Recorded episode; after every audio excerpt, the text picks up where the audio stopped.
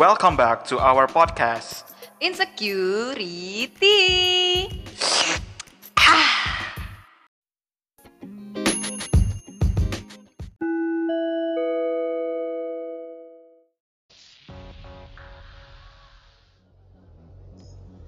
Dan yang harus menghentikan langkahnya di Insecurity Idol adalah Inches. Maaf, perjalanan kamu di Insecurity Idol harus terhenti malam ini. Dah Lupis. Ini maksudnya insecurity idol tuh macam apa dulu nih? Biasanya kan kalau ajang-ajang yang lain itu kan pencarian bakat. Nah ini insecurity idol apa yang mau ditonjolkan sebagai bakat? Insecure-nya? Atau gimana ini? Tolong dijelaskan coba.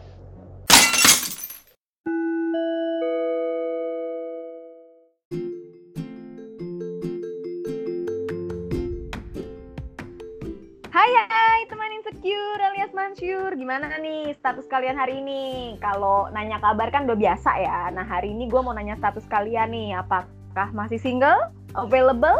Complicated? Atau statusnya masih digantungin sama seseorang? Itu namanya Status apa Pis, palsu. biasanya?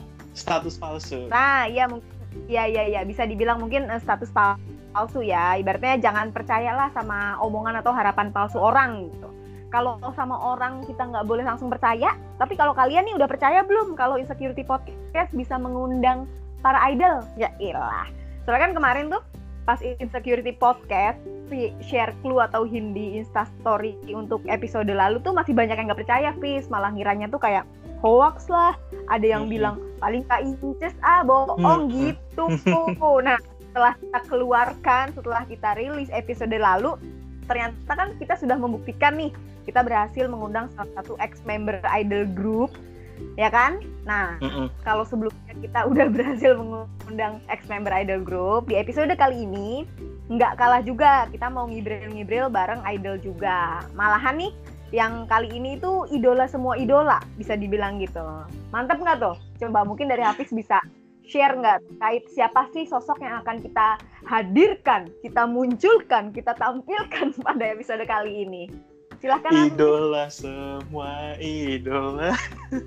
Oke, udah pada Thank tahu you. lah pasti ya thank you Kak Inces. Oke, jadi kali ini gua mau memperkenalkan bintang tamu yang akan kita undang. Namanya adalah Gabriel Stephen Damanik atau yang biasa dipanggil Gabriel, Iel atau Bang Iel.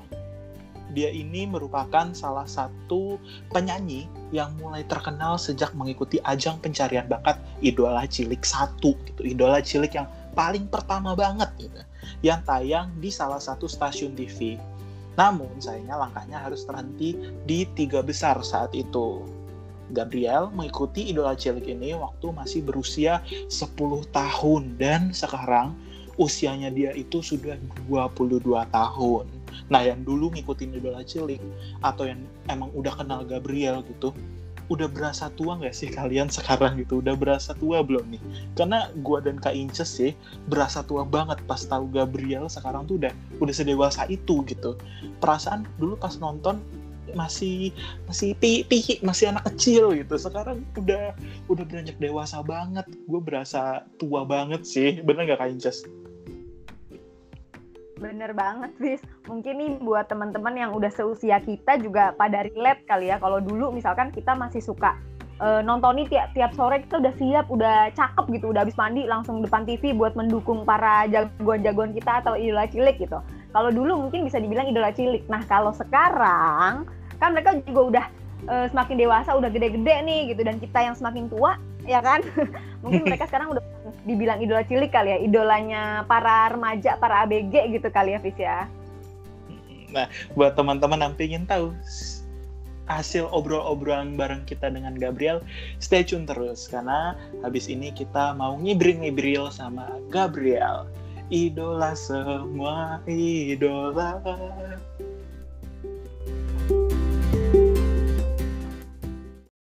Kita sambut siapa? Gabriel!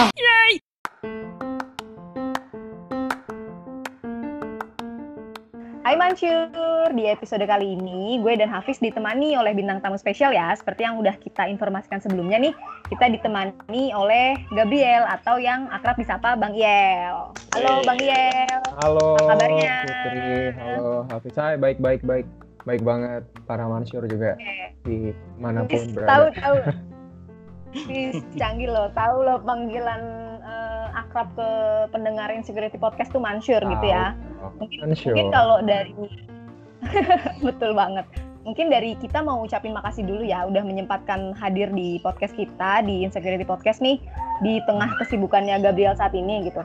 Mungkin dari Thank you Bang Iel bisa say hello dulu. Mm-mm. Iya, mungkin dari halo. Bang Iel bisa say hello buat para Mansur dan mungkin fansnya Gabriel nih yang memang sabrek-abrek di luar sana gitu. Oke, halo Mansur. Eh, kenalin aku Gabriel Steven Damani. Eh, usia 22 tahun. Bisa dicek di Instagramnya Gabriel Steve untuk lebih kenal. Itu aja. Makanan favorit, dulu minuman favorit gitu. Wah, Iya, nanti nanti itu kan ada pertanyaan personal ya. Eh, Gabriel sekarang kesibukannya apa nih kalau boleh tahu? Eh, aku sekarang kerja sebagai legal consultant sama legal Wow. di sebuah instansi yang nggak perlu aku sebutin Yap. namanya juga eh, sebagai penyanyi juga sih jadi ya dua dua dunia sekarang Menarik ya dua dunia gitu. Cuman kalau Iya. dari lu sendiri eh, ada kesulitan gak untuk mengimbangi kedua hal itu? Sebenarnya nggak terlalu sulit karena sebenarnya kalau eh, di legal itu kan kerjanya Senin sampai Jumat Mm-mm. dan kalau nyanyi itu kan biasanya kalau event atau eh, gig gitu kan biasanya Sabtu Minggu ya banyak kan jadi selama ini sih balance balance aja dan bisa ngatur waktunya sih kayak gitu Hafiz Oke, berarti eh, ini tuh ibarat kalau kalau dulu gue pernah ada tokoh gitu bilangnya eh, kayak lu mendapatkan dua dunia, du- dua sisi dunia yang terbaik lah gitu ya. ya begitulah Nah, Gabriel eh, di podcast kali ini kita mau ngobrol-ngobrol dan tanya-tanya nih sama Gabriel gitu. Kita sebelumnya udah update juga di IG story-nya insecurity.podcast untuk teman-teman Ya. Mancur dan Gap FC kalau misalkan mereka mau nitip pertanyaan buat Gabriel gitu. Nah, sure banyak banget sih pertanyaan yang udah masuk dan kita akan bacakan beberapa pertanyaan tersebut. Kali ini yang mau kita tanyakan pertama adalah seputar masa-masa Gabriel waktu di Idola Cilik. oke Oke, langsung kita mulai ya. Ready? ya ready Oke. kayak Pak- mau bacain rapor kayak Hafiz. Iya. agak deg-degan nih agak deg-degan Ya, langsung Perta- ya. Pertanyaan pertama nih. Eh, dari Gabriel waktu dulu awal masuk Idola Cilik tuh awal mulanya gimana? Oh, oke jadi kan aku awalnya di Batam ya Mm-mm. tinggalnya Ah, terus eh, Gabriel usia 10 tahun tuh kan melihat ada iklan di satu stasiun TV ajang pencarian bakat nih. Nah, jadi awalnya itu adalah aku dari kecil di Batam itu udah sering ikut lomba-lomba nyanyi gitu. Awalnya begitu dan ketika ngelihat ada iklan di TV itu, makanya sangat uh, excited tuh. Aduh, pengen deh coba ikutan. Gimana kalau kompetisinya di nasional kayak gitu kan. Kalau yang lokal kan udah lumayan banyak lah pengalaman di Batam. Makanya eh, karena di Batam itu nggak ada audisi saat itu, cuma ada beberapa kota kota-kota besar dan Batam nggak masuk. Jadi eh, minta sama orang tua untuk diizinin eh, nemenin ke ke Jakarta untuk audisi. Sebenarnya kayak gitu, sebatas sebatas itu aja, sebatas rasa ingin coba aja, ingin ingin Berarti berarti itu emang sebenarnya atas kemauan lu sendiri ya, bukan dari Iya, orang tua iya. ataupun orang lain. betul sendiri. Oke, gila ya. dari umur 10 tahun gitu udah kepikiran gitu gitu. Kalau dulu gue 10 tahun belum ada kepikiran hal-hal kayak gitu masih masih Iya, biasa-biasa Kalau aja di rumah. Udah kelihatan bakatnya dari kecil. Kalau Hafiz dulu bakatnya apa mungkin usia 10 tahun, Fis? Kalau bisa di-share juga. Bakat gue dulu bakatnya terpendam gitu. Jadi saking terpendamnya nggak kelihatan deh punya bakat apa. Oh, oh gitu. Tapi kan keren sekarang ada podcastnya. Thank you, thank you. Lanjut ke pertanyaan selanjutnya ya Gabriel. Nanti dari Gabriel itu eh, ketika masuk ke Idola Cilik, hal apa sih yang terbaik yang lu pelajari ketika bergabung dengan Idola Cilik? Ini pertanyaan dari salah satu eh, Gap FC mungkin at yes positif. Boleh dijawab. Oh, oke. Mungkin eh, yang terbaik yang bisa aku dapat adalah gimana ngelihat work ethic ya. Jadi dari usia 10 tahun itu kan sudah bekerja sama dengan banyak eh, profesional ya di bidangnya, mulai dari eh, music arranger, mulai dari produser, mulai dari sutradara, kameramen, ngelihat mereka bekerja dengan sedemikian profesional, uh, dedika dedikatif banget dalam pekerjaannya. Itu mungkin yang membuat uh, mindset aku ya dari kecil kayak oh oke okay, jadi kalau ngerjain sesuatu tuh harus serius harus ngasih yang terbaik dan ya puji Tuhan uh, sampai sekarang sih tertanam banget lah itu work ethic dari para profesional yang luar biasa yang aku sudah kerjasama dari kecil. Luar biasa ya. Tapi uh, di usia lu di usia lu 10 tahun itu udah udah kepikiran kayak gitu luar biasa sih. Lebih ke amazed sih karena mm -hmm. uh, pertama kali ya maksudnya gini masih masih kecil dan melihat dunia yang begitu luas ya. Beda banget ya Jakarta dengan di Batam. Di Batam kan mungkin nggak terlalu banyak hal apa-apa yang bisa dipelajarin waktu itu ya. Dengan keterbatasan uh, informasi juga. Dan ketika di Jakarta ngelihat banyak hal ngelihat banyak orang-orang hebat yang bekerja sama di bidang musik gitu kan. Wow keren banget. Kayak gitu sih mungkin se sebatas itu aja anak kecil yang lihat uh, dunia baru. Oke okay, oke. Okay. dari Kak Inces mungkin mau lanjut bahas pertanyaan hmm, mungkin kalau dari gue penasaran gini sih. Tadi kan mungkin dari Bang Iyal sempat mention memang dulu masih kecil gitu. Nah dulu waktu hmm. masih kecil udah ikutan pencarian ajang pencarian bakat ini kan ibaratnya uh, bisa jadi iba gimana ya masih kecil tapi dituntut buat ikutin ikutan kompetisi gitu. Pasti kan yeah. ada deg-degannya juga ada suka dukanya juga. Nah waktu itu kan uh, Bang Yel termasuk di top 3 top 3 hmm, idola cilik kan betul, ya? Betul. Mm. nah waktu itu kan ada momen-momen ibaratnya happening banget tuh yang tadi sempat kita bilang di awal pembagian raport gitu kan yeah. tiap minggunya tuh ada pembagian raport nah pada saat momen Bang Iel uh, tereliminasi nih waktu di top 3 itu perasaannya gimana sih dari dirimu mungkin bisa di share nggak pada saat itu gimana oh, di di posisi masih kecil terus nerima raport seperti itu gimana? Uh, sebenarnya untuk bisa nyampe di top 3 itu udah uh, lebih dari ekspektasi aku awal banget gitu. Jadi awalnya itu bahkan uh, ngobrol sama orang tua kalau bisa sekali aja masuk TV ya Tuhan gitu. Kayak jadi cuman sebatas uh, pengen coba nggak nggak ada nggak ada harapan yang muluk-muluk juara atau apa. Jadi pas dapat top 3 dan akhirnya tereliminasi ya relief aja sudah uh, selesai sudah menyelesaikan perjuangan. Lama loh itu 4 4 5 bulan uh, sampai ke top 3 jadi ya lega lega dan bersyukur udah bisa menyelesaikan pertandingannya kayak gitu sih berarti berarti itu di luar ekspektasinya Gabriel ya bahkan dan iya, banyak bahkan di luar yang bisa uh, banyak pelajaran yang bisa diambil juga gitu. Tapi yeah. kepo juga sih, maksudnya kan setelah hmm. idola cilik itu kan berarti udah nggak di panggung yang sama gitu kan? Atau mungkin yeah. sebelumnya kan juga banyak teman-teman yang udah tereliminasi duluan kan? Setelah hmm. uh, idola cilik itu masih sering komunikasi nggak sih dengan teman-teman icil yang lain gitu dan sampai saat ini masih sering paling sering komunikasi itu dengan siapa? Ini titipan pertanyaan dari Ed Ranti Ice gitu. Mungkin dari oh. Gabriel bisa kalau awal-awal selesai Idola Cilik itu kan masih banyak eh, acara-acara lain ya. Mulai dari Idola Cilik 2, Idola Cilik 3 juga kita kan masih sering diundang tuh yang alumni-alumni sebelumnya. Jadi masih lumayan intens lah komunikasi dengan beberapa teman-teman yang lain juga. Uh, cuman mungkin setelah selesai semuanya dan uh, udah mulai mencar-mencar punya kehidupan masing-masing, uh, sekarang sih jarang sih untuk komunikasi dengan teman-teman Idola Cilik. Mungkin yang paling uh, dekat dan sering komunikasi mungkin bareng Kiki ya, Kiki Idola Cilik ya. Ah, Kalau Kiki aku. yang Idola Cilik satu ya. Betul, Kiki Egeton. Oke. Ini lanjut ya, ada pertanyaan ya. berikutnya dari Ed Fani Salma.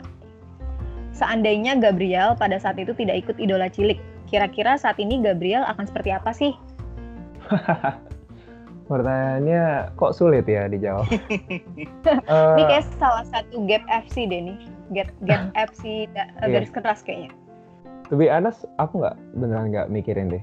Maksudnya nggak kebayang kalau nggak ikut Idola Cilik itu nggak ada kesempatan untuk pindah ke Jakarta, nggak ada kesempatan untuk uh, ada di titik ini. Jadi mungkin akan tetap masih di sebagai seorang anak yang ada di Batam saja, nggak nggak seperti Gabriel yang sekarang ini. Kayak gitu sih memang ikut idola cilik tuh bisa dibilang uh, salah satu keputusan terbaik yang pernah lu ambil ya salah satu titik balik lah bisa membuka kesempatan dan akses ke ber, berbagai hal jadi ya, mungkin yang bisa kita petik dari pengalamannya Gabriel tuh jangan be, apa jangan takut untuk mencoba lah ibaratnya ya. Karena kan peluang ya. itu bisa jadi nggak datang buat dua Betul. kali gitu. dan nothing tulus juga kan jadi hmm. ya udah cobain aja gitu di usia berapapun itu lah ya apalagi tadi Gabriel masih di usia 10 tahun udah berani ngambil keputusan yang cukup besar gitu itu eh, luar biasa banget sih buat gue dan pasti Dan- buat para ya. Gap FC juga demikian Dan aku bersyukur punya orang tua yang eh, suportif ya, nggak yang yes ketika pertama kali aku bilang pengen ikut Idul Cilik ke Jakarta itu kan lumayan ya, lumayan jauh dari tempatku tinggal gitu. Jadi ya kalau punya privilege dan kesempatan harus dimanfaatkan. betul Tuh, betul betul dengerin buat para mansur dan Gap FC ya. Dengerin tuh Ya. pesan-pesan dari Bang Iel.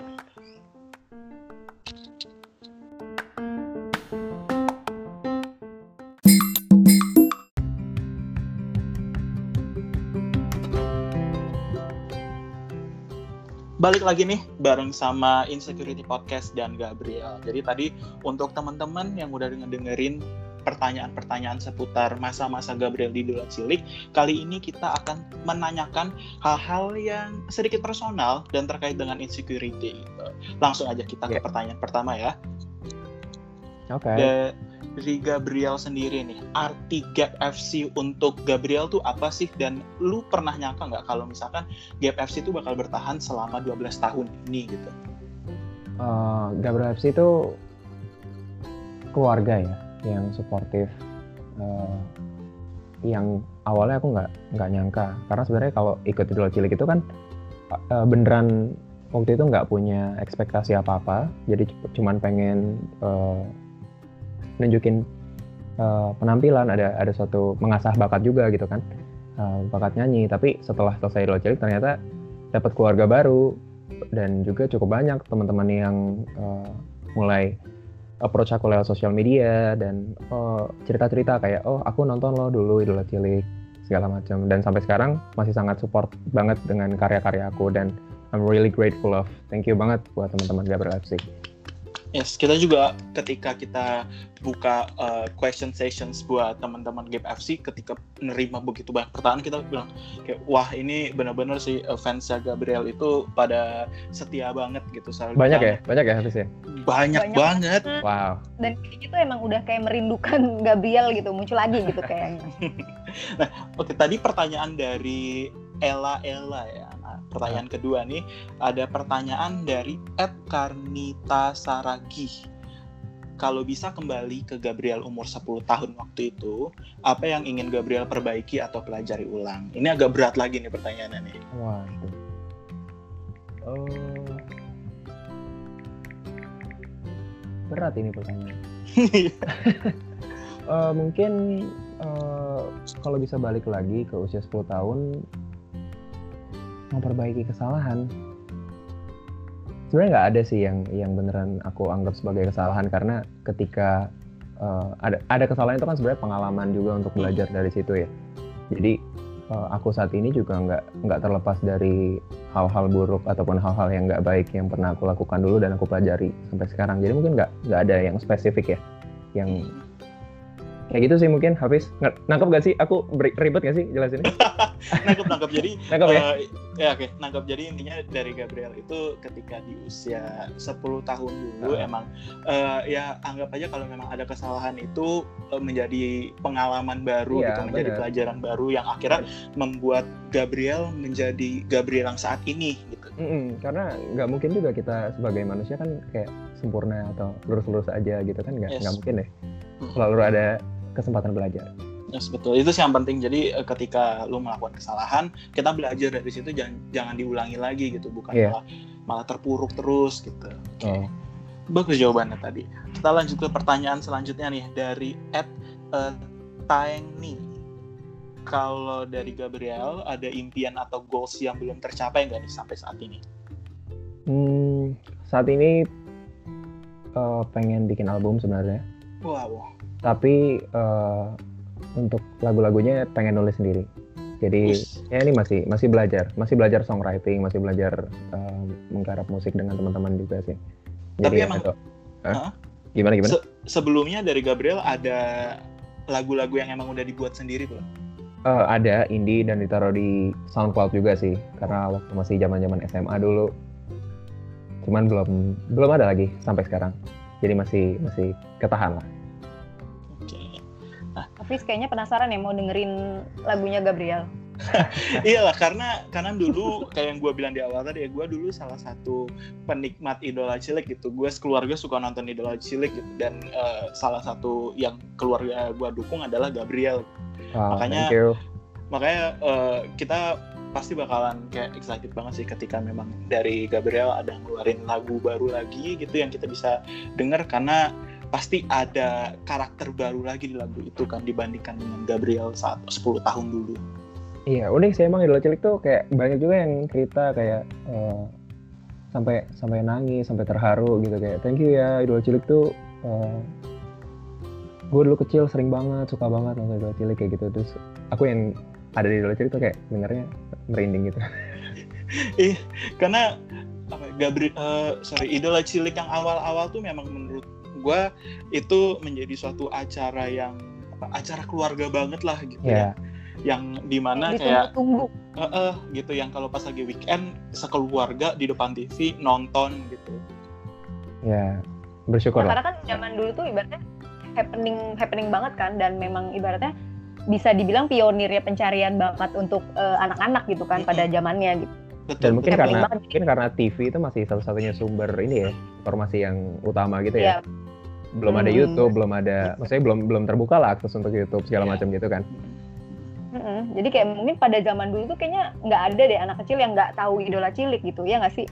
Iya, Zaman semuanya tahu idola cilik. Bahkan dulu gua juga pernah nonton idola cilik langsung di studionya. Oh ya, Studio 4. Iya. Eh, gua nonton yang idola cilik kedua. Di Studio 4 ya, bukan? Eh, ah lupa itu waktu itu Oh. idola itu eh, itu studio itu berapa? Bang Iya udah jadi udah jadi juri berarti kalau di idola cilik dua ya? Enggak, enggak, aku enggak, enggak pernah jadi juri. Pernah eh, diundang lah beberapa kali untuk. diundang sempat Main. ada apa Icil di Icil Divo, betul. Info gitu Iya ya bener ada ya itu yang bandnya juga Super ya Idola kan? Band, ya. ya super idola band gitu itu dulu ikonik banget sih mereka waktu Iya, bener. zaman zaman kita kecil dulu oke dari kak Inces mau ada yang kita Hmm? Berarti Gimana, kita nih Gabriel? seumuran ya? ya lumayan lah Lumayan lah ya. Enggak, lumayan lah ya jauh tahu. Kita harus udah aware. Ya, kita- dulu tuh mungkin kalau eh, Gabriel sama teman-teman idola cilik usia 10 tuh kita di SD mau ke SMP gitu nggak sih Fis? Jadi kayaknya kalau sekarang Gabriel juga udah dewasa, kita juga udah semakin tua berarti. Time flies ya. Time flies. Heeh. Betul banget sih nggak nggak kebayang aja gitu dia dulu kayak nontonin Gabriel di TV sekarang kita bisa bikin podcast bareng sama Gabriel gitu Iya. Ini sebuah achievement buat kita juga nggak sih? Iya. Soalnya Achievement bakal- 2020 bakal kita tulis di pencapaian terbesar di tahun 2020 tuh salah satunya bisa ngobrol bareng sama Bang Iyel gitu. betul banget sih Tadi mungkin kalau dari Hafiz sudah eh, ada beberapa pertanyaan, mungkin sekarang dari gue ya penasaran juga nih. Oke. Kalau dari Gabriel, mungkin ya dari kecil sampai sekarang kan tadi udah cukup banyak juga kan pengalaman dan ceritanya gitu. Nah selama itu tuh ada nggak sih yang pernah membuat eh, eh, Gabriel tuh merasa insecure gitu dan gimana sih caranya buat bangkit dan yang nggak terpuruk lagi dengan rasa insecure itu gitu pernah nggak sih dan gimana cara mengatasinya? Oh, pernah, pernah banget. Eh, ya, insecurities tuh sangat umum terjadi ya di setiap manusia. Aku ya, aku yakin banget ada aja yang insecure. Kalau aku pribadi sih mungkin eh, ngerasa ke diri sendiri ya kayak, am I good enough gitu. Kalau lagi kompetisi atau lagi eh, ngelakuin sesuatu. Dulu juga misalkan kayak awal-awal pindah dari Batam ke Jakarta juga ngerasa insecure dengan perbedaan lingkungan ya. Dari dulu kan di Batam SD, terus pas SMP ke Jakarta itu lingkungan baru terus eh, melihat juga kompetisi di sekolah itu kan kayak di Jakarta katanya lebih lebih kompetitif ya dibanding dengan eh, sebelum-sebelumnya gitu. Jadi kayak aduh ngerasa gue cukup pintar nggak ya? Atau gue bisa nggak ya? Kayak ngelewatin ini semua gitu. Juga awal-awal eh, pubertas kan juga suara anak-anak tuh beda ya Mm-mm. sama suara laki-laki udah dewasa. Iya.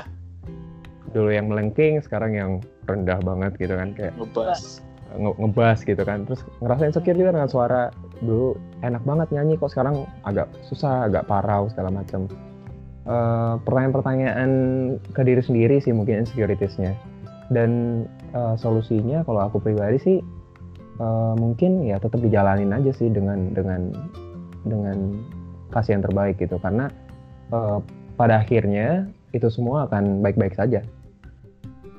Kayak gitu sih. Berarti ibaratnya harus tetap positif lah ya buat Tetap ngelakuin. thinking aja.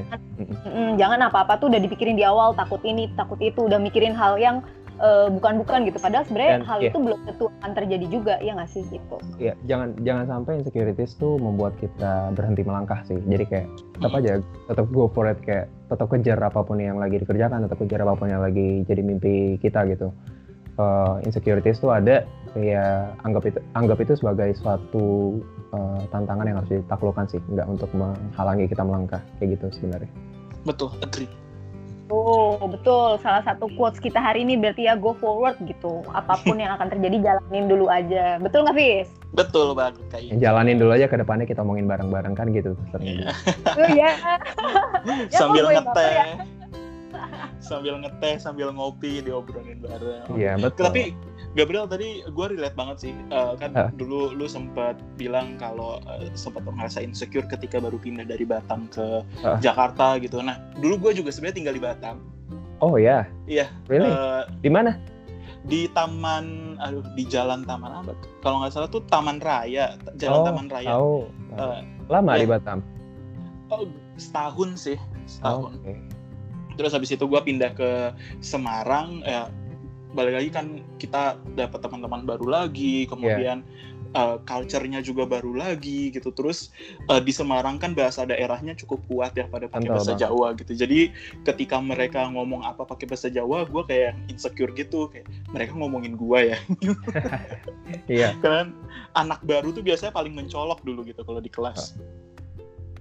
Oke, nah eh, Gabriel tadi kita udah sempat ngobrol-ngobrol tentang personal Gabriel, tentang eh, insecurity-nya Gabriel juga. Kali ini kita mau ngobrolin fun fact, lebih Oke. tepatnya ke disordered sih. Jadi nanti gue akan ngasih beberapa pertanyaan yang pertanyaan itu ada dua opsi. Gabriel nanti harus jawab cepet Oke. pilih yang mana? Oke. Pertanyaan pertama. Lebih deg-degan terima rapor sekolah atau rapor idola cilik? Rapor idola cilik. Rapor idola cilik. Oke. Kemudian lebih pilih mendaki gunung atau menyelam lautan? Daki gunung. Daki gunung pasti ya. karena kalau dilihat di Instagramnya kayaknya Bang Yel ini anak gunung banget ya Iya, soalnya kayak tenang gitu kalau kalau di gunung tuh nggak banyak eh, orang gitu kan. Kalau di laut kan kayak banyak ikan, banyak Terlalu luas kadang suka terlalu bikin luas. takut. Iya. Jadi enak-enak gunung. Oke. Selanjutnya, kalau misalkan terjadi dalam waktu yang bersamaan, Gabriel lebih pilih nonton pertandingan tim sepak bola favorit atau nonton konser musik musisi favorit? Eh, sepak bola. Nonton sepak tim- bola ya. Kemudian kalau misalkan dikasih kesempatan, Gabriel lebih pilih untuk bikin YouTube channel atau bikin podcast kayak kita. Bikin podcast. Bikin podcast. ya ntar jadi saingan YouTube channel aja Oh, enggak ntar kan di podcast aku aku ini refer ke insecurity bagus soalnya. Jadi, sebuah biar pernah- sendiri ya Biar pendengarnya juga dengerin insecurity kan. Yes, kasih kasih kasih. Kita pansus sama Gabriel nih nanti nih. Oke, yang terakhir nih, kalau bukan jadi penyanyi, Gabriel lebih pilih menjadi aktor atau pengacara? Aktor. aktor ya. Oke. Nah, berarti tetap di dunia entertain ya. Iya. Oke. Nah, tadi kan Gabriel sempat bilang nih kalau misalkan lu lebih milih untuk mendaki gunung dibandingkan Iya. menyelam lautan gitu. Eh, kalau boleh tahu gunung-gunung apa saja yang sudah didaki? Oh, eh pertama tuh naik perahu, gunung perahu. Kau. Terus ke Papandayan, Hmm. terus ke Merbabu. Terus ke Ciremai. Masih pemula lah, baru empat gunung doang yang pernah naik. Awal pertama kali daki gunung itu waktu kapan? Tahun berapa? Eh, awal-awal kuliah sih, 2016, 2017 gitu. 2016 kayaknya, sama teman-teman. Mm-mm. Seru sih, gue sendiri sampai sekarang masih penasaran banget sih rasanya mendaki gunung gimana karena belum pernah nyoba. Harus coba sih. Harus Tapi coba ya. nggak tahu, karena pandemi kayak gini, nggak tahu deh, apakah ada pendakian juga ya? Iya bener ya. kayaknya Soalnya tutup ya soalnya jangankan mendaki gunung gitu gua aja apa kalau dulu waktu kuliah gitu naik tangga dari lantai satu ke lima aja udah ngos-ngosan apalagi kalau naik gunung nanti gimana gitu nggak kebayang Enggak sih. kan kan bareng-bareng. Kalau bareng-bareng bisa pelan-pelan kok. Bareng ya. Oh, oke, sedikit. Yang penting tuh coba, coba, Coba dulu. dulu. Jangan takut duluan. Atau startnya dari gunung-gunung yang nggak terlalu tinggi. Oke, contohnya apa tuh? Perahu aja tuh, nggak terlalu. Oh, perahu ya. Ya. Oke. Oh, Gua iya. masukin ke bucket list nanti buat tahun Boleh depan. tuh. Atau kita bahas di episode selanjutnya gimana? yang trik dalam mendaki gunung gitu. Karena memang gue gitu ya. Insecurity dalam mendaki gitu. Iya bener-bener bagus tuh. Terus tadi sempat pilih juga kan eh, lebih deg-degan waktu terima rapor idola cilik itu tuh kenapa tuh Gap? Karena sebenarnya kalau rapor sekolah tuh kan kayak kita udah bisa predik sebelumnya ya, kayak dari nilai-nilai uh, ujian atau nilai ulangan kayak gitu. Jadi kayak uh, ketebak lah hasilnya mirip-mirip. Kalau rapor itu cilik kan unexpected ya. Oh iya. Uh, maksudnya kan dari polling gitu dan bisa berubah dalam sekian menit. Jadi mungkin kalau deg-degan lebih deket-deket itu, lebih deg-degan rapor itu cilik. Sama gue juga dulu waktu sekolah lebih deg-degan nonton rapor idola cilik dibandingkan nerima rapor gue. itu aja ini nerima rapor sekolah lo sendiri, Fis malah. iya gitu. gue dulu sampai bener-bener tutup mata gitu sekeluarga kalau pas lagi rapor idola cilik tutup mata. Tapi TV tetap nyala. Oke, Gabriel, eh, tadi udah ada fun fact, udah ada personal dan tentang insecurity. Ya. Terus eh, ada satu pertanyaan lagi sih yang mau gue tanyain gitu. Nah, Oke. waktu tadi kan Gabriel sempat bilang kan, Gabriel lebih deg-degan kalau misalkan terima rapor idola cilik. Ya. Nah, ketika dulu waktu Gabriel buka rapor idola cilik dan ternyata dapat bintang merah tuh perasaannya gimana sih? Eh, ya relief, lega, udah selesai kan, udah selesai eh, kompetisi. Capek loh sebenarnya kompetisi dua cilik tuh. Kayak kalau kelihatannya kayak tiap minggu segala macam. Soalnya kan kita nggak karantina ya. Jadi Oh, iya. aku tuh tiap minggu tuh pulang pergi Jakarta Batam sebenarnya. Soalnya kayak Oh, iya kayak gitu Selasa Fun fact juga tuh berarti tuh. iya. Selasa oh sorry Senin Selasa Rabu itu sekolah Oke. di Batam. Nah Kamisnya itu berangkat ke Jakarta dan itu selang Kamis Jumat Sabtu tuh full banget tuh dari latihan musik di studio, eh, latihan koreo, eh, take VT segala macam yang eh, kebutuhan-kebutuhan lain. Sabtunya kompetisi, minggunya eh, itu pulang lagi ke Batam. Jadi sebenarnya ketika selesai Idul Cilik tuh eh, lap- eh, rapor merah tuh rasanya lega sih kayak oke ini semua berakhir gitu. Selesai capeknya. Lebih ke lega ya berarti. lebih ke ya. lega, lebih ke lega. Tapi gap FC-nya yang ambiar gitu.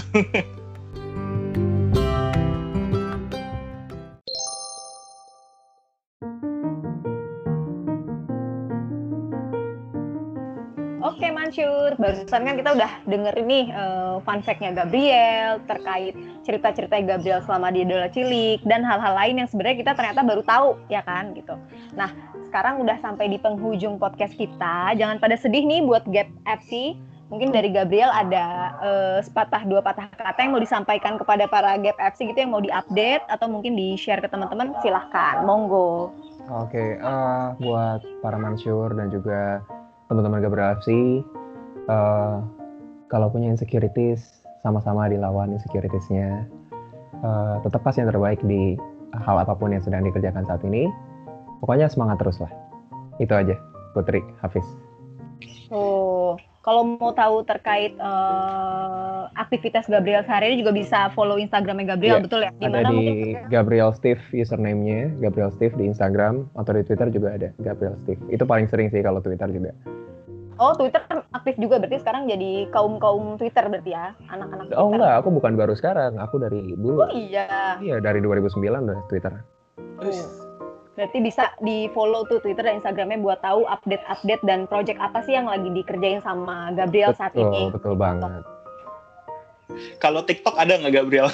Enggak. sekarang Iya, bener kan? Happening Dulu, dulu pernah dulu pernah buat TikTok sekali sama Ade, abis itu uninstall lagi.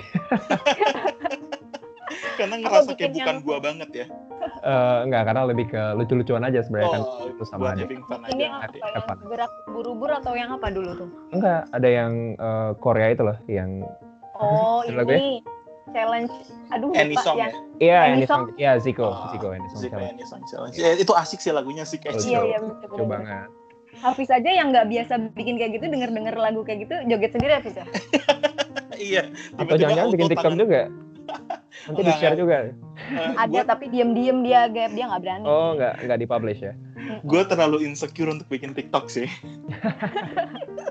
Siapa tahu itu jalan ninja lo, Fis.